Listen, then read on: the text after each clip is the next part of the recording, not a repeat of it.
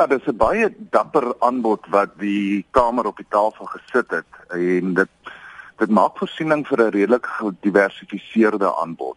Maar as 'n mens kyk na die eise wat op die tafel is, veral van NAM se kant af en van AMKU se kant af, kom dit nie na by die 80 en 100% uh, loonverhogings wat wat hulle vra nie. So 'n mens kan verwag dat uh, dinge maandag baie anders gaan lyk.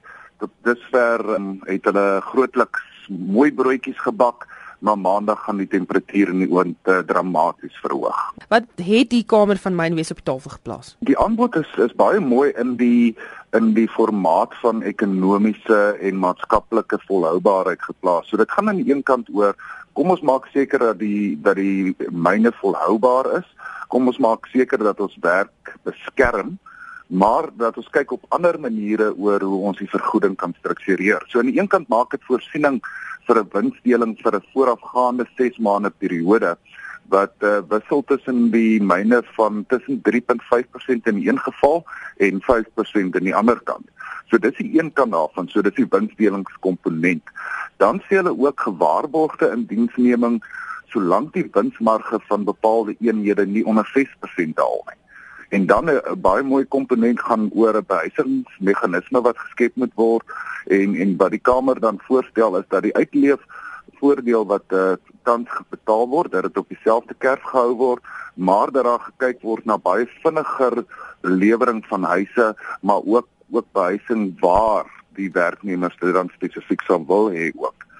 So die een kant is die is die gewaarborgde verhogings wat weer eens uh, varieer van intree vlakke tussen 7 en 8% verhoging tot 'n maksimum van 13% in die ander kant.